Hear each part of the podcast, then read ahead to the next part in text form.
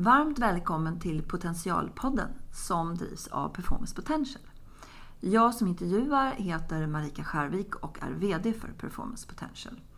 Tanken med den här podden är att vi ska ha avspända samtal med kloka ledare och komma lite under ytan kring deras personliga erfarenheter och bjuda på tips som du faktiskt kan ha nytta av.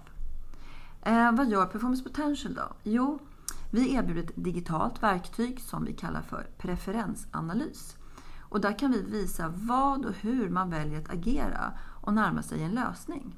Vi kan faktiskt koppla de här olika tillvägagångssätten till specifika resultat beroende på vilka preferenser en person har. I den här podden så har vi valt att bjuda in ledare som kan ge lite nya tankar och inspiration. Och jag hoppas verkligen att du får med dig några värdefulla tips i vardagen. Varmt välkommen Therese Jörnmark. Jag är väldigt glad att jag får prata lite grann med dig idag. Du har många kloka saker eh, som du kan säga och, och som du har varit med om så att jag vill gärna höra det och jag tror att andra vill lyssna på det också. Idag så är du eh, VD för eh, E.ONs kundsupport i Sverige men jag vet också att du har, du har lite andra VD-uppdrag samtidigt. Kan du berätta vilka de är? Gärna, tack så jättemycket Micke. Eh, jag förutom vd för kundsupport så är jag också ansvarig för, för vår verksamhet eh, el och gasförsäljning, både då på B2C och B2B-sidan i E.ON Sverige eller Norden eh, och också för vår Energy Market-verksamhet, det vill säga all vår trading-verksamhet. Mm. Så det är totala ansvarsområdet. Mm. Så du har lite att pyssla med? med andra ord. Har lite att pyssla med, ja. har jag, precis. Ja. Och det har kommit och gått lite olika ansvarsområden här på eh, ganska kort tid. Så det är mycket att stå i nu för att få ihop det nya. Mm. Jag tror att eh, E.ON är ju ett ganska känt mm. varumärke, men, men vill du berätta lite kort eh, så att säga vad, vad verksamheten gör, i alla fall de områdena. Du nämnde det lite kort nu, mm. mm. så att mm. lyssnarna förstår, aha, det är det här så att säga. Mm. Mm. E.ON är ju ett energiföretag Eh, ett globalt sådan, eh, har ingen egen produktion längre. Och det tror jag att man oftast eh, förknippar E.ON med, utan det såldes ju av alla de delarna för några år sedan. Så idag är man helt och fullt fast inriktad på, på consumer-sidan och B2B, olika solutionslösningar för olika företag. Och så har man en stor värmeverksamhet också inom det här och nätsidan då som är, som är en väldigt eh, stor del så att säga. Så man kan säga E.ON består av två ben idag, en Customer Solutions-sida och en Network-sida. Just det. Så mm. det har hänt en del där? Det har så... hänt jättemycket. Mm. Mm. mm. Eh, om du skulle berätta lite grann om, om, om dig då, vad, vad, vad gjorde du innan E.ON höll jag på att säga? Jag, jobbar, jag kom från en annan teknikbransch, kom från mm. Sigma, eh, så IT-branschen, så att det var också en väldigt teknikintensiv del. Där jobbade jag eh, under eh, det glada, eller början på det glada 2000-talet där innan, eh, innan det sen kraschade lite och sen kom igen. Så att jag har varit på E.ON i, i ganska många år, 19 år faktiskt, fast i väldigt många olika, olika roller under den här tiden. Mm. Det som jag tycker är lite spännande också, det är ju att du mm. faktiskt har du har ju haft eh, ett, ett eh, eller du var kanske övergripande mm. HR-ansvarig och sen så har du gått över till affärssidan så att säga. Ja. Hur, mm. tänkte, du, hur tänkte du då eh, när du gjorde det? Ja, det, det kan man undra ibland sådär hur man tänkte. Och ibland så tänker man kanske inte så mycket utan det blir mycket tillfälligheter. Men jag kan ju säga som har mm. varit HR-direktör i väldigt många år, haft lite olika andra ansvarsområden varit väldigt jobbat alltid som HR väldigt, väldigt nära affären. Um, har eh, en marknadsbakgrund också i botten, så steget var faktiskt inte så långt. Utan har man då jobbat som jag har jobbat med enormt stora förändringsresor nästan hela mitt yrkesverksamma liv, uh, så, um, så var det ganska enkelt faktiskt för mig att säga ja när jag fick det här uppdraget uh, och gå in och jobba i en affärsverksamhet och också göra en transformation där. Och då har man ganska mycket i sin ryggsäck när man har jobbat med förändring och HR som man kan ta med sig in faktiskt. Massa, massa bra mm. verktyg, eller ja, hur? Ja. ja, så är det. Mm. Mm, om, om vi ska börja prata lite ledarskap då, vad, vad betyder det för dig? Skulle du beskriva det? Ja, det, det är ju jätteviktigt. Jag, jag har varit chefledare sedan jag var 26 och är lite äldre idag då, så att jag har några år eh, som chef och ledare. Eh, och för mig har det alltid varit superviktigt att någonstans försöka vara den chef och ledare som jag själv eh, egentligen vill, vill omge mig med. Um, och att jag jobbar så att säga värderingsstyrt. Uh, så för mig är det viktigt att jag som chef och ledare är, är duktig på, på att uh, sätta ut riktningen. Uh, jag tycker det är viktigt att coacha, att jag inte sitter med alla svaren. Vara tydlig är superviktigt, vara beslutsför. men också ha ett stort, ett stort hjärta, mycket empati. Mm. det är viktigt för mig i ledarskapsrollen. Mm. Det låter som en härlig kombination tycker jag, Therese. Mm. Det är klart att det här är kanske en, en, inte lätt fråga, men om du skulle beskriva en dag på jobbet då, för att få lite inblick sådär, vad, vad, vad gör, ja. vad gör, vad gör du? idag, idag är det ju väldigt specifikt. Jag tänker, vi har ju, vi har ju suttit hemma, jag som alla, som många andra, kanske inte som alla, men som väldigt många i, ja. i Sverige idag, så har vi suttit hemma sedan eh, faktiskt den 17 mars förra året. Så, så, vi hemma. så att mina dagar idag består av oändliga teamsmöten. Och ibland när man har one-to-one så har man bestämt innan, nej, men nu går vi ut och går och så, så tar vi ett, ett möte i lurarna. Så det, det, är väldigt, väldigt mycket möten. Eh, och så försöker man ha, eh, vi har haft en del kick-offer och, och så också eh, via Teams och ja, man försöker vara kreativ och uppfinningsrik. Men ack vad jag saknar mötena faktiskt. Mm. Även om det går, det går ändå. Visst gör det det. Ja, under en sån här period då, så det, det pratas ju mycket om hur man ska leda andra på distans och sådär. Jag tycker själv att den där frågan är ganska urvattnad. Jag tycker det är mer intressant att veta hur hanterar man sitt eget självledarskap då som, som ledare under de här kan man säga, mm. rådande mm. omständigheterna? Ja, eh, jag försöker ju oftast eh, se till att alla har videon eh, påkopplad. Jag tycker den, den är superviktig för då får man i alla fall ögonkontakt och, och då också har man lite koll på att folk inte sitter och håller på med allting annat eh, jämte alla möten. Så att man ändå försöker vara lite aktiv. Det är ju ändå rätt stor skillnad när man har varandra i ett rum. Eh, så så, att, så att den tycker jag, det, det är i alla fall mitt eh, bästa knep. Och sen ibland också eh, mötas ute. Eh, nu när det börjar bli lite vackert väder och man inte har folk eh, absolut för långt eh, ifrån ehm, heller så, så kan man faktiskt ta och gå eh, lite tillsammans i en park så att man ändå har lite koll på hur folk mm. har det. Det är lite svårare när man sitter längre ifrån, men då får man använda videon, tänker jag. Mm. Om du ska vara riktigt nöjd med en arbetsdag, så att säga, vad, ja, om du skulle vad heter det, kontemplera där ja. när dagen är slut, den kanske aldrig tar slut höll jag på att säga för, för ledare, men, men vad, vad, är, vad, är, det då som du har åstadkommit? Så det, här, det här är verkligen något som, mm, idag kände jag att jag var nöjd med mm. det jag hade gjort. Vad, vad, vad, vad har hänt då? jag försöker ju oftast lägga in lite tid för reflektion. När det är, alla ledarskapsprogram man går så är det alltid nummer ett. Lägg in någonting, eh, liksom. lägg in tid i kalendern för reflektion. Och det är ibland lättare sagt än gjort. Men ändå försöka, liksom, när dagen är slut, eh, eller i alla fall veckan är slut skulle jag vilja säga, eh, fundera lite grann på, har jag gjort, har jag gjort skillnad denna veckan? Uh, har jag gjort någonting annorlunda? Är det någonting som jag är stolt över eller är det något som jag känner att det här kunde jag ha gjort så mycket bättre? Så har allt från liksom lärdomar um, och till faktiskt någonting man är stolt över. Uh, och jag brukar skriva ner, framför allt när jag känner att det här skulle jag, det här skulle jag gjort på ett annat sätt. Um, då kanske man skriver ner det så att man liksom har en liten kom ihåg till en annan gång. Uh, vill man reflektera mm. lite extra. Mm. Mm. Jag tänker, har du några tips då? Jag tänker, det har ju varit lite extraordinära, mm. eller jag vet inte vad jag ska säga, annorlunda kanske man ska mm. säga, eh, den här sista tiden. Så har du några tips på, på, på hur man ska agera? För, för, för vissa människor har det kanske varit kris och det har varit annorlunda. Mm. Har, har, du några tips som du själv känner att ah, det, där, det där insåg jag att jag gjorde och det funkade bra. Så där. Har, har du några sådana som du kan bjuda på? Som du kan...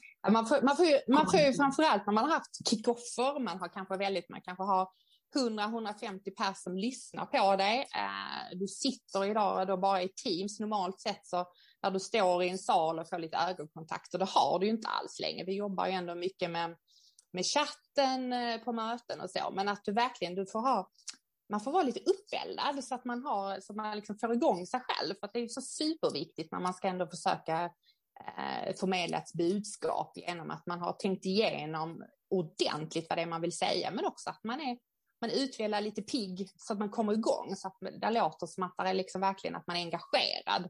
Um, och inte bara liksom, ja, basunerar ut något utan verkligen använder hela, hela språket. Det tror jag det är superviktigt.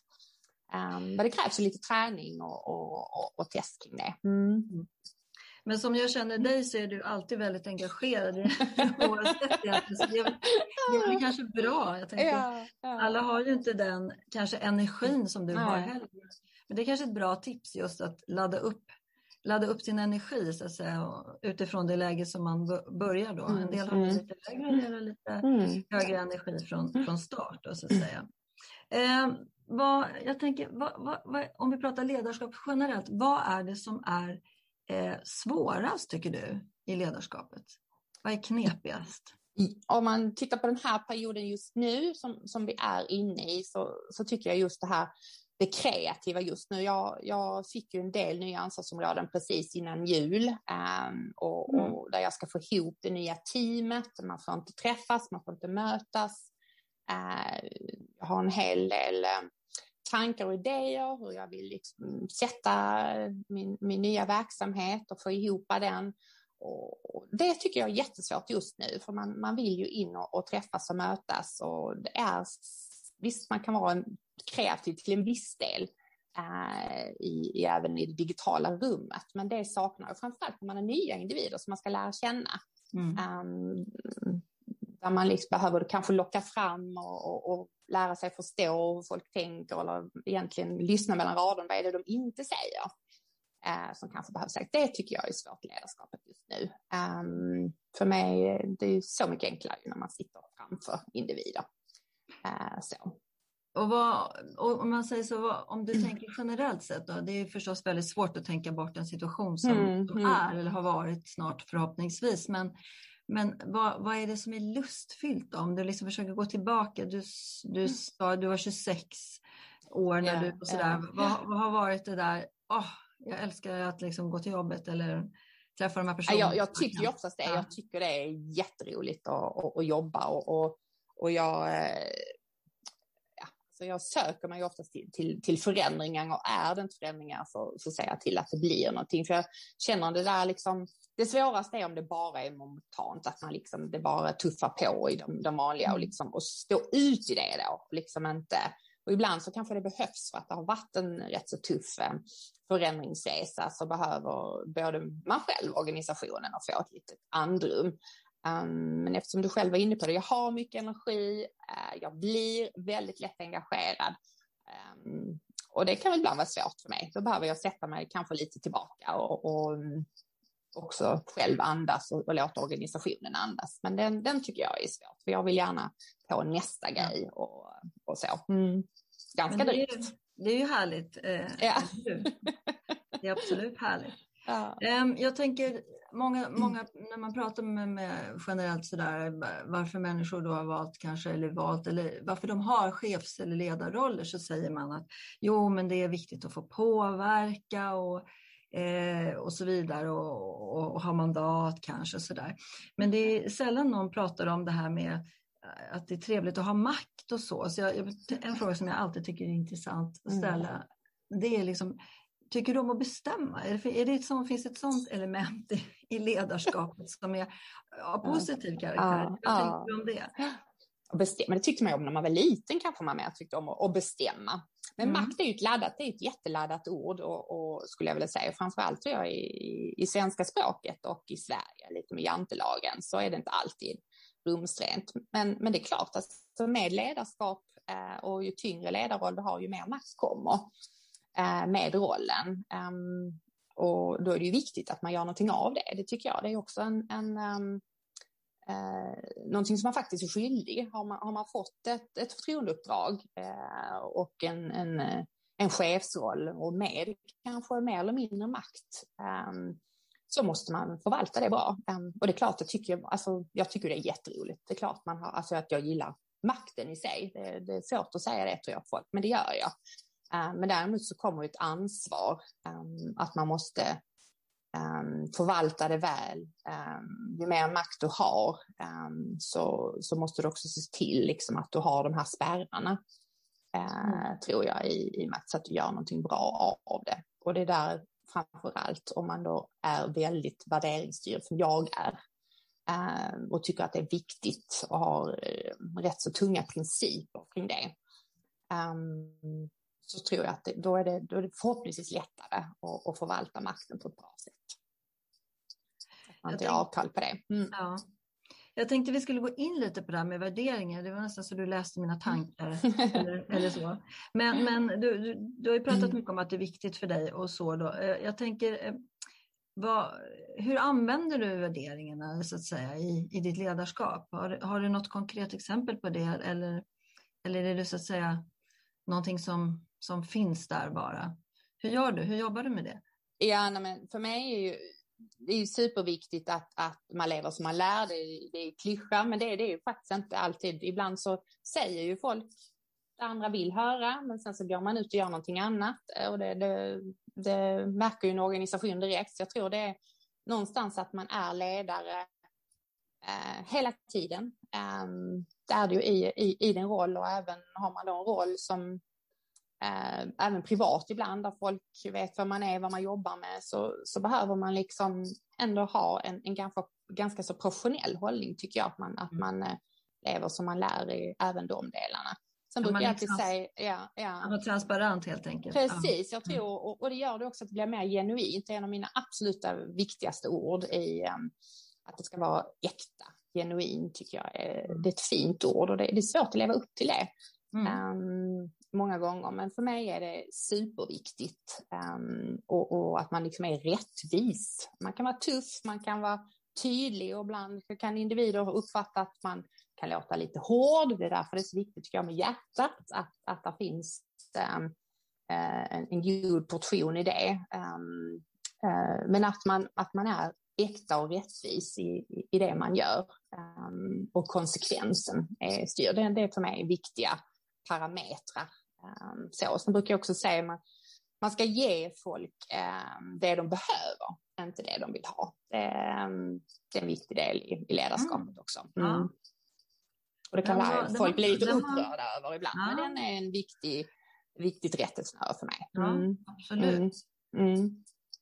Vad, vad, händer, vad händer när du träffar någon som inte är transparent och genuin, så att säga? Vad, vad gör du då? Det, är då, det är då man måste ha det där lilla modet som är en annan viktig del tycker jag i, i, i ledarskapet. Att man har mod och, och att man också är beslutsför. Då måste man, ehm, är man då, har man då värderingarna eh, på rätta stället så, så måste man utmana.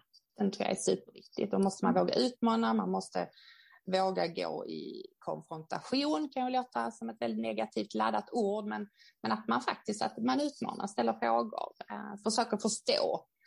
Um, inte dömer direkt, utan försöker förstå hur den andra individen tänker. Men, men förhoppningsvis också kanske sätta lite perspektiv på det om man känner att det är väldigt motsägelsefullt till det man själv står för. Tycker du att det saknas det mod? Så att säga? Vi var, inne lite grann på det. Det är en väldigt ledande fråga och jag ska inte tala om vad jag tycker och tänker för det vi, vi, vi, kanske har en gemensam syn. Men hur är det egentligen med, med mod, modet hos svenska chefer? Finns det mer att jobba på där? Eller vad, vad tänker det du? finns väldigt mycket mer att jobba på, mm. skulle jag vilja säga. Det gör det på, på många håll. Um, både i samhället och inom de flesta organisationer och inom den organisationen som jag jobbar också. Där är, um, jag tror det är jätteviktigt det där. Man, det är många som säger också att man, man um, ja, men jag, styr, jag styr för mina värderingar, jag, jag, jag lever som jag lär mig. Sen går folk ut och gör någonting helt annat mm. uh, och har inte modet alltid att säga ifrån eller stå upp för vissa delar. Det, det, ja, det tror jag det behövs väldigt mycket mer. Men det kostar ju på. Det, det är också alla kanske inte orkar eller tycker inte att det är lika viktigt eller så, men för mig är det jätteviktigt. Ja. Um, att jag um, står för det jag, det jag säger, mm. att jag har mod. Mm. Jag tänker, det är ju också så leda, att leda en organisation eller leda sig själv för den delen är ju kanske det svåraste av allt. Då, men det är också ganska jobbigt ibland. Eh, och det här med självsuggestion, alltså att inbilla mm. sig själv vissa saker ibland för att kanske stå ut och sådär. Eh, mm. Eh, vad finns det för tillfällen när du, så att säga, ursäkta uttrycket då, men lurar dig själv? Har du några sådana exempel? Ja, ja. Jag, är, jag, är en tids, kanske... jag är en tidsoptimist, det är ju det, att jag liksom ja. tänker, ah, det, här, det här tar nog inte så lång tid, eller det här liksom, och så, ja, alltid, och, och jag tror jag ska hinna med så himla mycket. Jag vill så mycket och dygnet har ju bara 24 24 timmar. Det, det, är ju så. Så att eh, den, den, den får jag jobba på alltid um, och vara tidsoptimisten liksom och försöka vara lite mer ver verklighetsförankrad i, i, mm. i, i, det och också sluta liksom. Nu, det är ju baksidan med att jobba nu så mycket man jobbar hemma. Dagen tar ju liksom aldrig riktigt slut. Uh, utan man, får, man måste liksom försöka även på hemmaplan gå till jobbet uh, och, och sen, nej men nu, nu är jag ledig fast man går en meter bort liksom från sin mm. arbetsplats. Och den, den är jättesvår uh, att jobba på. Um, men det, det, får man träna på och ibland byta miljö. Då åker jag till landet så försöker jag bli lite ja, bättre. Precis. Ja, ja. Det är ett bra tips kanske då, ja. att växla, växla miljö mm. någonstans. Mm, mm, mm. Det här med, sen, det har ju varit mycket debatt också kring den dåliga sömn, eller sömnbristen kanske och sådär. Mm. Och jag tycker det finns inga undersökningar för sig som visar hur, hur chefer sover eller inte sover gott om nätterna. Men jag tänker ja. att det där är alltid intressant sådär. För det, ibland för vissa kan det vara ett bevis på att det är bra att sova lite och för andra är det tvärtom. Men hur är det för mm. dig? Liksom? Sover du gott på nätterna eller springer du upp och skriver lappar eller vad gör du för någonting? Jag, jag, jag, sover, jag, jag kan säga jag sover alldeles för lite. Jag blev ju helt mörkrädd när man läste nu häromdagen den här undersökningen som säger att eh, sover du sex timmar mindre eh, per natt så ökar du risken med 30 procent att få eh, demens och, och Alzheimer och allt vad det nu var. Um, och det gör ju jag, jag somnar direkt så att jag somnar väldigt, Eh, jag ligger inte och tänker på jobbet och så, men jag har alltid, alltid ehm, haft väldigt få timmars sömn. Mm. Eh, och inte behövt mycket mer. Så att man känner, jag tror jag behöver, jag behöver jobba på det nu, annars så vet man inte hur det slutar sen när man blir äldre. Så att um, sex timmar behöver man ju ha i alla fall. Mm. Och det är väl ungefär vad jag kanske får. Mm. Ja, men du mm. sover de sex mm. timmarna i alla fall bra? Gott, precis. Mm. Vi ska inte, vi ska inte veckla oss i det för mycket, men, men, men en av våra största företagsledare påstår att han sover 5-4 timmar. Mm. Att, och mig veterligt så är han vid väldigt god vigör även vid, eh, på ålderns höst. Så att, ja, vad hoppas på det. Ja, det verkar vara lite olika för olika personer. Ja, ja precis. Mm. Eh, vad, vad, tänker du, vad tror du då, med tanke på att vi pratat lite om, om, om, om hur det ser ut nu, vad är de stora, vad ser du som de stora ledarskapsutmaningarna nu när ja, det blir ju så att säga det som vi har varit med om eller till viss del kvar i så att säga har ju varit en stor utmaning för alla kanske. Men, men vad tänker du sen? Mm. Vad tror du om hösten och nästa år? Har mm, du tankar? Mm. Vad tror du kommer bli? Ja. Vad tror du kommer bli de stora utmaningarna? Kanske både tror... för organisation och för ledare. Precis, precis. Ja, men jag, jag, tror, alltså kompetensfrågorna tror jag kommer, det har fortsatt vara, det var ju innan eh, jag tänker eh, hela covid-situationen. Så, och, och hitta och, och jobba med eh, ha rätt kompetens. Den, den tror jag den, den, den, kommer vi fortsätta eh, och den har vi redan nu hela tiden. Eh, aldrig egentligen sluta utveckla oss. Man, man pratar ju mycket om nu när man ska jobba längre i, samhället också att man um, har um, ja, nya karriärer, behöver kanske utbilda sig en, en, ett, ett andra, en andra gång. Um, eh, och, och så vidare för att man ska mm. jobba längre och liksom hela tiden hålla sig up to date. Så den, den tror jag den behöver vi, den är högst upp på, på, på mm. agendan tror jag för alla. Eh, sen tror jag vi kommer med, med covid-situationer och annat. Vi, mycket av debatten nu handlar ju så himla mycket om att jobba hemma eller jobba på kontoret. Jag tror man glömmer mycket av hela det här utanförskapet och den psykosociala situationen. Jag tror vi kommer att se en baksida när vi kommer mm. tillbaka igen, att det är väldigt många människor som har mått väldigt dåligt av faktiskt att jobba hemma och vara i sin ensamhet. Och det är lite som faktorer som jag börjar märka nu också, att uh, den psykiska ohälsan um, ja, kommer. Folk som har klarat ganska hyfsat för att de har gått till jobbet. Många är oftast ensamma och kanske inte familj.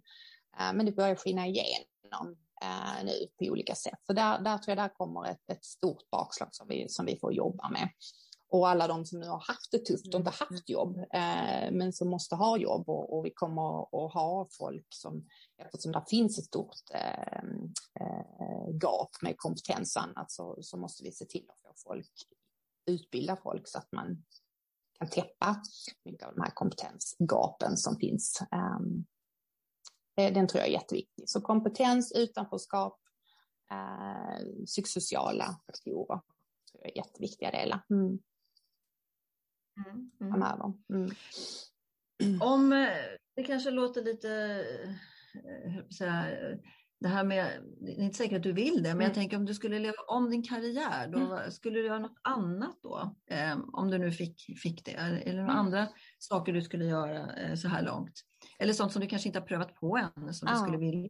Det är väl mer att livet är för kort, det är så mycket mer man skulle vilja hinna med. Så, så är det väl, men jag känner ja. att jag, jag tycker att jag vågar hoppa på eh, erbjudanden när de kommer. Jag känner att jag har breddat mig, jag har varit ansvarig för väldigt många olika saker, mm. jag har gjort väldigt mycket eh, under min, min karriär, även om jag har varit i samma företag väldigt länge, så har jag jobbat med väldigt, väldigt många olika saker och varit ansvarig för, mm. för även för, ja, för globala stora projekt. Eh, jag jobbar i Ryssland ett tag, jag har jobbat i Berlin, jag har jobbat i Tyskland, i Düsseldorf, jag har jobbat mycket med, med gamla um, vad ska man säga, Östeuropa, de länderna också. Och, och så. så jag känner att jag har jobbat väldigt många olika kulturella delar. Uh, så. Det, det, mm, det tycker jag har varit jättespännande. Så att, nej, inte så att jag skulle vilja bli någon pri, prima ballerina eller något sånt. Det har jag aldrig haft, aldrig haft fallenhet för. Aldrig, nej, precis. Utan jag tror att man hela tiden inte slår sig till ro, utan att man är nyfiken och jag är extremt nyfiken. Eh, på hela tiden lära mig nytt ehm, och försöker göra det. Och nyfiken på människor, eh, nyfiken på organisationer, läser väldigt mycket. Är det, eh, så, mm. är det någon speciell reflektion du har gjort, tänker jag, så att säga, i att kanske lämna navelskåderiet i Sverige då, om, om jag får använda det. Och liksom, är, det, är det något särskilt som du har tagit med dig, tänker jag, från det här liksom att jobba, jobba med eller i eller tillsammans med andra kulturer så mm. är det något mm. särskilt som du känner, ah, det, här, det, här, det här borde ni pröva på för att det är de här sakerna jag har sett och har lärt mig. Vad, mm. Är det något mm. speciellt du skulle vilja lyfta fram där? Men jag tror vi, vi som svenskar ibland kan ju vara ganska självgoda. Det har varit, eh, har varit en ganska så het debatt, tänker jag, massmedialt just nu om det. det otaliga tunga journalister har, har, har, skrivit lite grann om den svenska självgodheten utifrån också. Och den, den tror jag, den, den eh, vi gör verkligen inte alltid saker och ting bäst. Det finns, eh, och framförallt i många av de här länderna, eh, gamla liksom eh, Rumänien, alltså, de gamla Östeuropa, de, de, där finns enormt mycket kompetens, enormt mycket vilja, enormt mycket engagemang. Um, och, och folk ska prata många språk. Uh, och teknikutveckling, ibland tror vi att vi är absolut, eh, och, och det är vi ju många gånger i Sverige, men, men där är många länder som inte är speciellt långt efter. Eh, även om samhället i stort kanske ser väldigt annorlunda ut och det är fortfarande hästtransporter och, och så på vägarna när de kommer ut på landet. Så visst, de jämförelser, men det hindrar inte individer för att vara väldigt tunga inom teknik, språk, eh, förändring, ehm, anamma nytt. Och det tror jag vi, vi ehm, behöver lyfta blicken lite mer och se. Och att vi inte är så, så pass annorlunda ändå, många av eh, våra lite grannländer lite längre bort i kanterna än vad vi tror. Mm.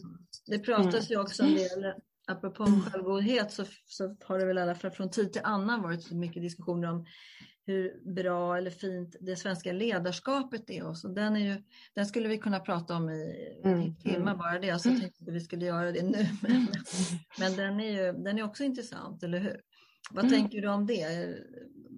De här skillnaderna, eller inte skillnaderna kanske? Har du någon mm. liten, liten ja, men det, där, finns ju mycket, där finns ju mycket skillnader, det gör det ju, och framförallt hierarkier och, och så är ju, är ju Jag vet ju ibland när jag har haft med mig medarbetare eller så på, på, på globala resor och där de har sett mig eller jag har stått och, och liksom, ja, både haft föredrag eller varit i olika situationer och så, så, så kan jag få den återkopplingen av medarbetarna. Ja, men, och du är en person, du, du är mycket, låter mycket tuffare och mycket hårdare och, och, och använder helt annan, annat språkbruk och det, och det gör man. Tyvärr måste man ju kanske ibland eh, för att, för att tränga igenom och, och, och faktiskt ibland också för att man är kvinna. Eh, lite ibland i den här globala världen eh, får man vara väldigt eh, eh precis, korrekt eh, och, och, ja, kanske använda ett annat språkbruk än vad jag kanske normalt sett eh, mm, mm. hade gjort. Eh, så. Och använda röstläge på ett sätt där man låt, kan ibland låta som man är lite upprörd, fast man kanske egentligen inte är det. Mm. Och sen, men sen komma hem och, och till Sverige och vara, vara den man, man normalt sett brukar, så att säga. Mm. Ja, det är lite mm. intressant. Mm, ja. ja, absolut. Mm. Eh, vi skulle kunna prata i flera timmar tror jag. Eh, eh, vi, har, vi har pratat faktiskt en hel, en, en hel del redan i tid, så jag tänkte att det kanske var dags att, tyvärr säger jag då, eh, avrunda lite. Jag brukar mm. ha en liten sån här slutfråga då. Mm. Eh, det, det, har du några tips sådär som du skulle vilja skicka med dig till, till omgivningen. Så, ah, de här, inte vet jag, tre eller två eller fyra vad det nu kan vara. Det här skulle jag, ja, om, om, jag, om jag fick om jag fick så att säga, välja några saker som var allra, allra viktigast att ta med mig. Mm. Så att säga. För att mm. ett, tänker jag, leda sig själv och orka fortsätta vara chef och ledare. Och, och två, kanske så att säga ja, göra den nytta som man, som man hade tänkt att man mm, ville skapa. Så, mm. vad, vad, skulle du skicka med då för någonting? Ja, men jag, har, jag har tre stycken områden. Mm. Jag har varit inne mm. på, på två av dem, dem mm. redan, men, men, men det kan vara en bra summering. Eh, och den mm. första tror jag inte vi pratar så mycket om, men är framförallt se din omgivning. Alltså då menar jag verkligen se din omgivning. Eh, lyssna på riktigt eh, vad det är som händer och, och, och framförallt när du ska in och jobba med förändringar och så. Den, den tror jag är superviktig. Närvaro. Öppna, öppna, öppna ögonen ordentligt, ja. precis. Ja. Den, den uh, har den med sig alltid, för man, oj vad mycket man, man får in. Mm. Uh, och två var vi inne på att man ger folk det det behöver, det man vill ha. Ja. Den, den, tror jag är jätteviktig om man, om man liksom menar allvar med att coacha, eh, leda, försöka utveckla individer. Så, så mm. jag, även om det ibland ja, kan bli lite tuffa diskussioner så, så, så tror jag den, den är superviktig. Eh, och tre, eh, fatta beslut, var modig. Eh, testa vad som händer. Om man tycker att det är lite obekvämt, se vad som händer. Mm. Eh, det, mesta, det mesta brukar ge sig eh, ändå. Ehm, så länge man inte har massa prestige kan man alltid backa. Eh, och det som jag brukar säga att ja, man backar ju aldrig tillbaka till den ruta man stod i, eh, även om beslutet eh, Ibland så får man fatta beslut även om det är 80-20 för att man måste komma framåt, ibland 70-30 mm. också. Men man kan faktiskt skruva det längs med vägen. Mm. Den, är, den är superviktig. Mm. Mm. Det är mina tre. Våga fatta beslut, ge folk det de behöver, inte det de vill ha. Och lyssna. Mm. Se din omgivning. Mm. Det var ju mm. fantastiskt äh, fina råd tycker mm. jag mm. att avsluta med och faktiskt mm. kanske som du säger att, äh, att våga göra och inte vara rädd för äh, att göra. Och mm. sen ja, kan man göra om. Man kan alltid göra om, eller hur? Mm. Ja, ja, så är det. det kan man. Härligt samtal till det tycker jag. Tack så vi kan fortsätta med det här tror jag vid ett annat tillfälle men, men vi, vi, vi, vi ger lite grann så kanske folk eh, mm. blir sugna på, på fler karameller framåt helt enkelt. Ja. Tack så, så jättemycket ja, mm. tack för själv. att du eh, mm. pratar med mig. Ja. Mm. Ha det gott så länge. Tack. tack.